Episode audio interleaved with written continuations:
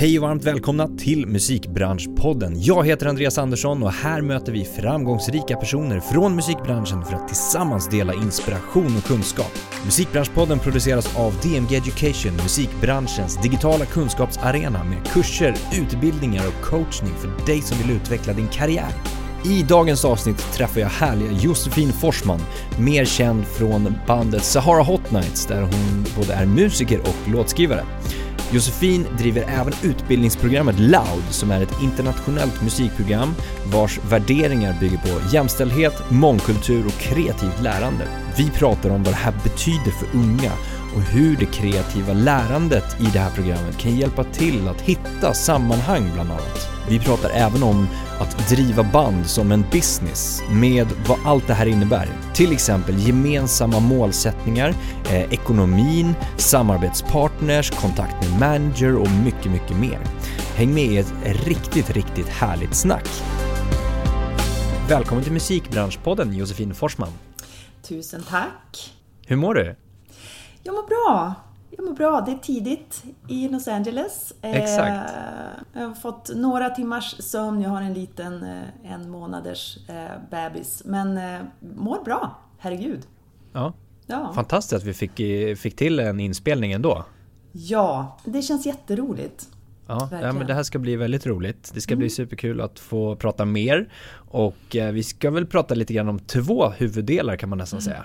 Eh, den ena blir ju Ska vi sammanfatta det med att driva ett band som en business? Ja, det tycker jag. Det tycker jag. Eh... Och allt runt omkring det såklart. Ja, men precis. Precis. För här har ju du enorm erfarenhet. Det kommer vi också komma in på. Eh, ja, och sen ska vi också år. prata om initiativet eh, Loud. Ja, det tycker jag verkligen.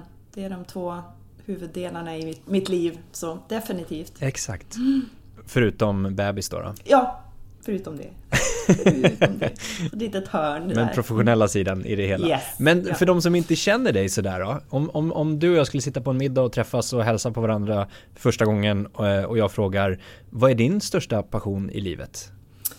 Ja, men då skulle jag nog säga att det har eh, visat sig vara musik, kreativitet. Eh, jag kommer ju då ifrån ett band som heter Sara Hot Nights.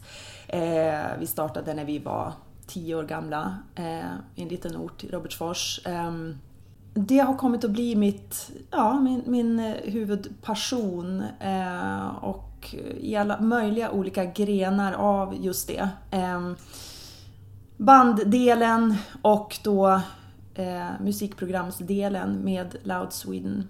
Ett musikprogram som jag då har, har skapat. Eh, ja, det, det, är helt enkelt passionen. Ja, men om man tänker lite grann så här utifrån sett att Okej, okay, du berättade att ni, ni, träffades på förskolan, ni startade band när ni var tio och ni spelar ju fortfarande i samma band. Ja. Att, eh, det, det, är ju någonting liksom enormt att kunna hålla ihop på det sättet eftersom personer växer, eh, man har olika andra relationer utanför bandet, man gör olika andra Herre. saker men att ni fortfarande lyckas liksom stick together på något sätt. Ja. Eh, trots det måste ju funnits otroligt många utmaningar under åren som liksom har, har testat er. Extremt många, extremt många.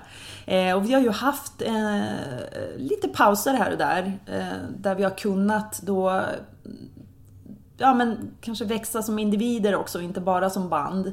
Ehm, men ja, det har funnits oj, oj, oj, så många utmaningar och det är ju också någonting som har blivit en, ett jätteintresse för mig att, att eh, på något vis analysera vad det är som gör att, att en grupp fungerar, alltså oavsett om det är en musikgrupp eller någon annan grupp, att det vad som krävs. Eh, och det, det, är väl helt enkelt de här olika rollerna i den här gruppen som, som på något vis måste sam, samspela. Och det har ju varit någonting som, som vi har tyckt kanske har varit lite limiterande att, att få stämpeln som jag menar, att ha olika roller och vi har fått många intervjufrågor om det och sådär. Vad har ni för roll i bandet? Och vi har tyckt att det har varit så öken att få de där frågorna. Men nu så, så här, ju, ju, äldre man blir desto mer inser man att, att eh, en, en grupp som fungerar är, det är inte sådär jätte Alltså har man en sån, hittar man en sån så tycker jag att man ska hålla fast vid den. Det är inte så himla... Eh, man får inte sådär jättemånga möjligheter till just en sammansättning som fungerar. Och eh, för oss har det väl också tagit, liksom det har fått gå varvet runt tills att vi har insett att, att man får respektera alla de här rollerna. Så Jenny i bandet är den ekonomiska, liksom kollar alla kontrakt och ser till att vi inte blir hellurade. Eh, eh, Johanna är den or, alltså organisatören, den orädda, eh, har alltid varit den som ringer samtal om att vi vill spela här och vi vill redan från början. Eh, och jag och Maria har varit kreatörerna i det här bandet, alltså skapat musiken och eh, showen och det visuella och så estetiska. Eh. Men var det så från början redan eller har ni hittat det längs vägen? Jag tror att det faktiskt var ganska från början när jag tänker efter. Att det, det föll sig ganska naturligt så att vi hade lite olika intresseområden in, innanför det här, det här bandet då, det här stora målet att vi skulle spela musik. Men är man tillsammans så pass länge så behöver man ju också få gehör för just de här individuella bitarna hos en. Så man kan inte vara Exakt. en och samma utan man måste... Annars så, så tar man sig ur den här gruppen och, och uh, ser till att man får utveckla den delen. Så att jag är ju otroligt glad att vi tillät varandra ha de här rollerna också. Men om vi hoppar tillbaka till det här med, med liksom att, att vara band, att driva ett band framåt på något sätt. En bandkonstellation. Vi har pratat om att olika roller kan behövas, att det kan vara bra att liksom ha de olika drivkrafterna framåt. Men någonstans så kommer ju det här med målsättning upp också. Vart vill vi ja. någonstans som band? Precis. Vi vill stå på, vi vill erövra världen eller mm. någon kanske liksom bara inom citationstecken vill stå på en klubbscen. Eh, mm. Eh, eller göra det liksom mm. på ett annat sätt. Hur, hur hanterar man olika slags målsättningar med en konstellation med fyra individer i? Mm. Ja, men det är ju en av utmaningarna, definitivt. Eh, I början så, om jag tittar tillbaks, så var det nog ehm, så att det uttalade stora målet var att vi skulle kunna leva på musiken. Och sen så kan jag se att vi satte upp väldigt många delmål. Eh, och delmål har blivit någonting som jag använder mig otroligt mycket av rent liksom, personligen och eh, även i, inom Loud. Att, eh, att jag liksom förespråkar det, hur viktigt det är. Eh, och jag tror att vi nog aldrig förstod att det var delmål, men det var ju verkligen det och de ska ju vara liksom små nog att, att kunna nås men stora nog att liksom kännas motiverande. Ehm, så det som vi gjorde i början, det var liksom... Jag tror att de små delmålen, de har alltid varit väldigt... Eh, vi har lyckats vara ganska överens om dem. Alltså, det, de kan ju liksom handla om att vi ska spela där nästa sommar eller vi ska skriva den här låten till söndag så ska den här vara klar. Eller sådana mm. små, små korta eh, delmål. Så att eh, det, det har vi nog varit ganska duktiga på att hela tiden gå, gå framåt med små steg. Eh, men sen såklart i takt med att man blir äldre, man får andra intressen också, så blir det svårt att helt ha samma mål. Så att det är klart att eh, ibland så har ju vissa fått göra avkall på exakt sina visioner. Alltså man kanske får en, liksom en procent av sin egen vilja eh, just i det sammanhanget och så kanske man får lite större del i, i något, något man väljer sina strider lite grann. Ehm, och så har det väl verkligen varit. Och vi har ju haft lite vägskäl genom livet. Det största var kanske när vi turnerade mycket i USA eh, och ehm, vi fick en fråga av då, dåvarande managern till eh, både The Strokes och eh, The Killers som liksom var superheta då att eh, ja, men att vi i princip att han skulle ta sig an oss och att eh, vi skulle bygga upp något i, i USA som var bestående eh, om vi flyttade dit. Mm.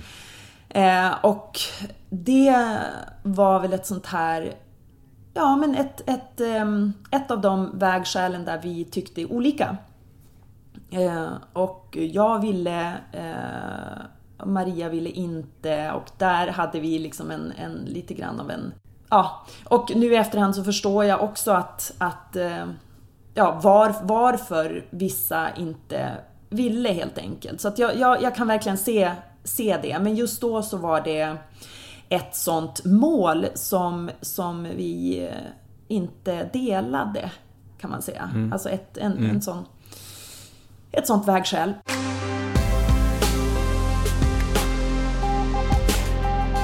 För det, det handlar ju om, som du är inne på, det här med liksom målsättning och bryta ner till delmål och, och liksom vart ska man lägga fokus på vilka projekt, vilken, mm. ska vi spela in en platta, en singel, ska vi mm. turnera, vart ska vi turnera, mot olika marknader eller bara den svenska marknaden eller, eller vad det kan vara.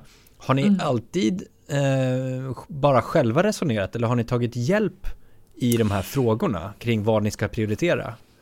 Ja, vi har ju haft en manager under de tio, jag skulle säga allra viktigaste åren så hade vi ju faktiskt en, en manager. Och jag, eh, han heter Hansi Friberg, han är fortfarande manager. Och eh, han blev ju viktig, ett viktigt bollplank.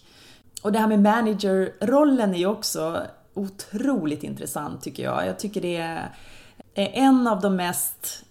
Det finns så, mycket, den är ja, den är så bespottad på så många vis. Eh, för att man måste vara det här är bara min erfarenhet av det, men alltså man måste vara the bad cop, man måste eh, ja, men få liksom slag av bandet för att Alltså för att bandet inte ska behöva nöta på varann så, så, så nöter man på managern. Och det var ju definitivt det vi, det vi gjorde. Vi hade, vi hade honom som lite grann utomstående där vi kunde så ösa klagan och eh, allt på eh, stackaren. Han blev väldigt viktig under de åren, helt klart.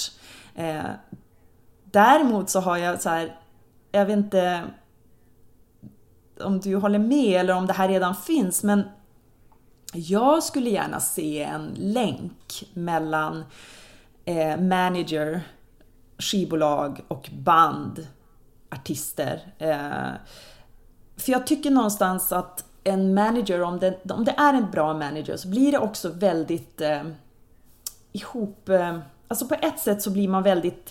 Eh, man blir väldigt tajta. En manager ska kunna vara en, en del av ett band samtidigt som, som den ska ha en professionell eh, distans det där är supersvårt den balansen tycker jag.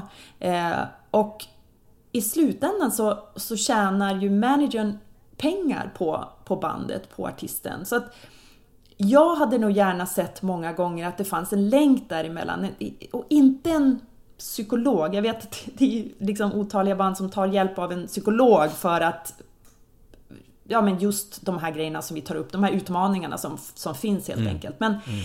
någon som som är helt insatt i bara musikbranschen helt enkelt. Som har den, som kommer ifrån det hållet men som har en mycket mer utomstående roll som inte tjänar de här procenten på bandet eh, som då managern gör eller liksom tjänar pengar som bolaget, skivbolaget gör. Det, det, har jag, det har jag många gånger tänkt eh, skulle vara en, en bra grej. För det fanns gånger då då jag tycker att, och det har vi ju pratat om i efterhand, men då jag tycker att en manager hade behövt sagt till oss att nu, nu behövs det en paus eller nu mår inte hon bra, eh, nu behöver vi... Alltså att det, fanns, ja, lite grann sådär. Klass, klassiker när jag kollar liksom på andra musikdokumentärer och så. Att det, mm. det är mm. svårt även för en manager att hålla den, den distansen så att han eller hon kan se vad som verkligen behövs eh, rent, eh, ja för att vara hälsosamt helt enkelt. Mm. Mm. Ja men mer ett, ett ännu mer övergripande perspektiv. Eller inte ja. över, alltså ett fortfarande ett väldigt detaljrikt perspektiv på individerna kan jag tänka mig. Men ett mm. övergripande perspektiv för att inte bara fatta rena businessbeslut kanske. Ja men precis, precis. Ut, Exakt, utan för välmåendet som du är inne på. Ja, och det finns så... Det är så otroligt lätt att, att som eh, manager eller som, som eh, A&R eller vad som helst att tro att så länge som ett band eller en artist tjänar pengar så, så mår, mår de bra på något vis. Då har vi, då har vi lyckats. Eh, Eh, och jag förstår det också. Jag, jag fattar hur man, liksom, man, man kommer in i det, i det hjulet och särskilt om man är väldigt tajta och har jobbat länge ihop och så. Jag tänker att vi ska bara gå in på eh, den ekonomiska biten. Mm. Uh, just du nämnde det att ha som mål att livnära sig på musiken. Mm. Det är ju väldigt, väldigt många som har det. Att man liksom sätter upp att men jag vill livnära mig på musiken. Men mm. man kanske inte definierar vad livnära sig betyder till exempel och, och sådär. Och man stirrar sig blind på att nu ska jag bara släppa musik och tjäna pengar på själva släppet av musik som genereras av royalties från Spotify eller Stim eller vad det nu skulle kunna vara. Mm. Um, men hur, hur har ni gjort? Hur har ni byggt upp liksom för att möjliggöra, för att kunna livnära sig på musiken? Alltså där har det ju kanske varit... Eh, där har nog det aldrig varit något stort problem. Det, så här, live-biten har ju alltid varit våran eh, stora grej. Och det är ju fantastiskt i och med att det är där det finns pengar också. Det är där det har funnits pengar alltid oavsett eh, hur musikbranschen har förändrats med liksom streaming och allt sånt. Så där har ju vi fått eh, våra, den största delen av våra pengar och sen har ju då jag och Maria som, som skapande av, av musiken då såklart den delen också. Eh, men det har varit det har varit tillräckligt för att vi alla ska kunna leva på det här under, ja, vad blev det, 20, 20 år innan vi tog paus. Du var inne på det här med kontakter som skapas också och att eh, manager är ju den liksom närmsta eh, mm. aktören kan man väl säga. Men, men andra mm. aktörer, jag tänker på ja, men bokare, skivbolag, hur insatt mm. är du eh, som liksom artist, musiker och låtskrivare i ett band kring de här kontakterna när man arbetar med ett management till exempel?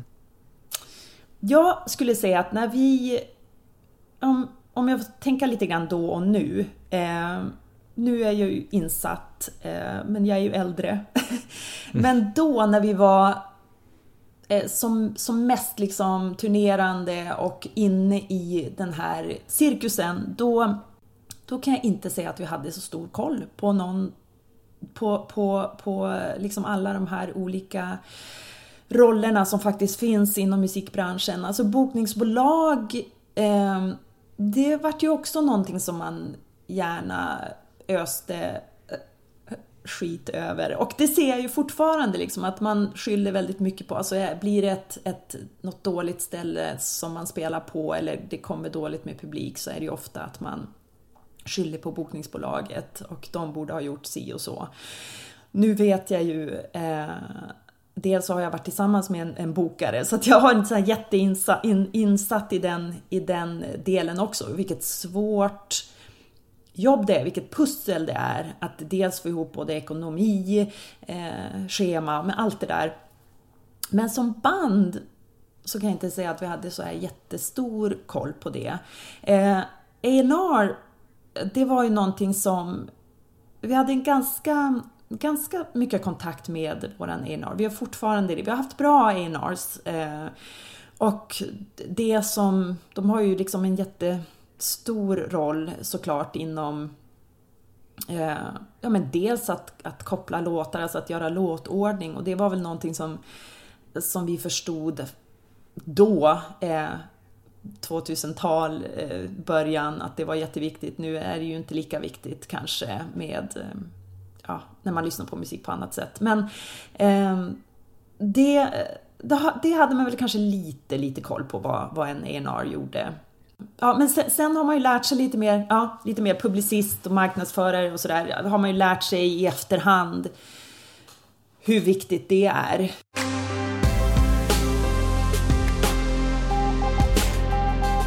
Jag tänker att vi ska gå in på Loud också, initiativet, mm. och prata. Vi har touchat det lite, eh, mm. men lite mer berätta vad, vad är det för någonting? Hur startade det? Ja, Loud är ett musikprogram eh, som går ut på att starta band. Eh, det är en, eh, ett musikprogram som, som först skapades här i USA 2015 av en eh, musiker också, Mason Arfalea. Eh, och eh, tanken bakom det här programmet är helt enkelt att det ska dels gynna Eh, elever i lite socioekonomiskt utsatta områden. Det var tanken här i USA.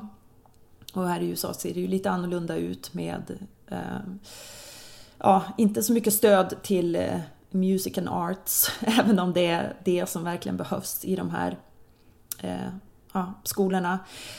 Det, jag kom i kontakt med det här programmet 2018 och det var väl just i samband med att jag kände att jag ville göra någonting annat än att bara eh, gynna mig själv. Det var någonting som jag ville hellre då börja ge, ge tillbaks till nästa generation och då stötte jag på det här programmet genom en, en manager faktiskt. Eh, såg att det fanns en vision där som jag tyckte väldigt mycket om och det är just det här med att bandkonstellationen kan innefatta så mycket. Det, det är långt ifrån det musikaliska eh, de musikaliska skillsen som är det, det, i första hand, utan det är en gemenskap helt enkelt. Det är det, det är det som är utgångspunkten. Det är att elever i skolorna ska, ska kunna samarbeta tillsammans. Det är att ge dem en, en röst. Eh, och jag har jättemånga exempel på när det har varit otroligt eh, att se hur, hur den här kreativiteten kan, kan hjälpa. Och jag började jobba som mentor då i en ganska ruff skola i Los Angeles, downtown. Um, ja, det här eh, musiksalen var liksom eh, under all, under all kritik. Uh, och uh, vi rustade upp den med hjälp då av finansiärer och uh, sponsorer. Och jag jobbade där i två år och fick se då, ja, de flesta av de här barnen hade ju liksom deras pappor satt i fängelse, de hade mammor som var väldigt, väldigt unga och eh, de texterna som skrevs där, det är någonting som jag alltid kommer att eh, liksom bära med mig. Ja, det var, det var en, en eh, utmanande men, men otroligt fin tid att få göra lite grann för de här eleverna. Och eh, jag fick känslan av att det här skulle funka i Sverige. Jag har också varit jätteintresserad av att jobba mellan länder. Jag tycker det, alltså internationellt utbyte är jätteviktigt. Eh, så jag ville starta upp det här i Sverige och eh, började spåna då på en lite modifierad version av Loud här i USA och eh, kom i kontakt med en rektor på Vällingby som gärna ville sätta upp det här då programmet. Så jag spenderade väl säkert ett, ja, något år med att helt anpassa det här programmet för Sverige helt enkelt. Och det sattes upp på Vällingby park och blev väldigt snabbt en, en, en eh, ja, men någonting som verkligen funkade, en, en succé i den skolan. Och nu är det utökat då till, till tre skolor. Programmet finns inte längre i USA eh, utan det är jag som, som, som äger det här programmet nu och eh, eh vi har, har planer på att sätta upp det här i USA igen. Eh, men just nu så är fokuset Sverige och det har varit fantastiskt. Jag satte upp det här även i min gamla hemort Robertsfors. Och där blir det ju speciellt att, att verkligen se de här 14-åringarna som eh, startar band. Eh, och ibland är det ju som att se sig själv eh, verkligen utifrån. Så det är fantastiskt och eh, det, det mitt stora mål med, med det här programmet är väl helt enkelt att jag vill, jag vill utöka likvärdigheten mellan kommuner. Jag, jag tycker att det finns en kommuner och skolor, att det finns en eh, dels ett behov i mindre orter, precis som vi ser i Robertsfors, att, eh, att det ska komma både program utifrån som, som oftast gynnar de stora städerna, eh, men också mentorer som tar sig till de här mindre orterna som vi har sett då i Robertsfors som, eh, som är en, en fantastisk grej och även av er egen erfarenhet så var det ju bara att, att jag hade en gitarrlärare från Umeå som kom liksom sex mil in till Robertsfors gjorde ju hela skillnaden. Och sen att han hade spelat med Europe var ju också jättecoolt och eh, eh, att det gör så otroligt mycket. Så det, det är väl liksom det övergripande målet och sen så har jag Först och främst är det här programmet för deltagarna. Det är de som gör det här programmet. Eh, det är deras favoritmusik, det är deras eh, egna musik och vi ska finnas där som just stöd. Eh, och vi ser att det ökar deras självförtroende och det är också liksom ett stort delmål i det här. Eh, och sen uppmuntrar då till, till fler samarbeten mellan ungdomar. Just att någonting som jag också tycker är viktigt och som jag ser som en stor del av det här programmet, det är just att hitta sin, sin egen röst i ett sammanhang. Och det, det är någonting som krävs genom ett, hela livet, att man behöver att samarbeta. Eh, det krävs kompromisser och det krävdes även i vårat, i vårat band, men just att kompromisserna inte ska bli på bekostnad av ens egen, ens egen känsla. Alltså att man har sin röst eh, som man vågar använda i en grupp.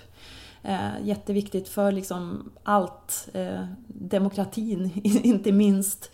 Eh, och sen så, så, tycker jag att det är jättespännande att länka samman musikbranschen och skolvärlden. Det är ju någonting som jag eh, brinner jättemycket för. Alltså att ta in...